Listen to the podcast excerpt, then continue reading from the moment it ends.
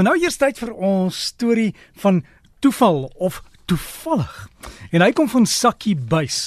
En hy sê Derek, hierdie storie gaan terug na 1944. My oupa Isak en ouma Maggie Buys het in die Kaap gaan vakansie hou en een van hulle vier seuns het hulle toe Klerksdorp stasie toe geneem en daarvandaan het hulle toe met die trein gery Kaapstad toe.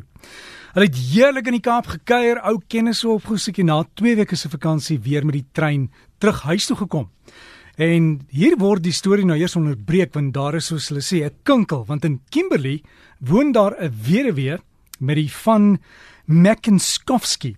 Sy is 'n Suid-Afrikaanse burger maar vermoedelik uit een of ander Oosblok land afkomstig.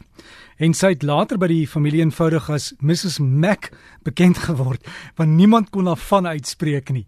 En die nag van die 8de Februarie hoor Mrs Mac toe hierdie stemmetjie wat vir haar sê om die volgende oggend na Kimberley stasie toe te gaan. Dit was so twee blokke van haar huis af. En sy het die oggend toe maar vroeg opgestaan, stasie toe gegaan en daar op die perron gaan sit. En op daardie stadium het sy nie geweet hoekom nie, maar sy het tog maar na hierdie stemmetjie geluister en gegaan en daar sit sy. Sy het naderhand navraag gedoen en gehoor die eerste trein wat sou deurkom is een van die Kaap af. Maar nou terug by oupa en ouma op hierdie trein. Daardie nag tussen die Aar en Kimberley sterf oupa toe aan 'n hartaanval op die trein.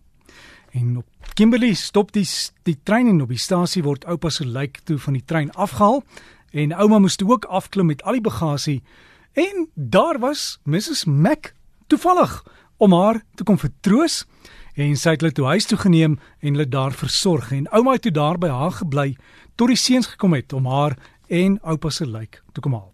Mrs Mac het vir baie jare daarna nog vir ouma op die plaas kom kuier en 'n intieme vriendin gebly tot op die einde. En dis my storie van toevallig skryf Sakkie Buys. Sakkie baie dankie vir daai diep stories, 'n mooi storie.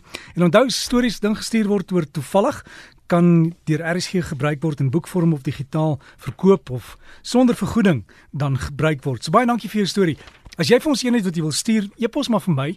Ek sal dit aanstuur. Dis net die e-posadres is d@rsg.co.za. d@rsg.co.za.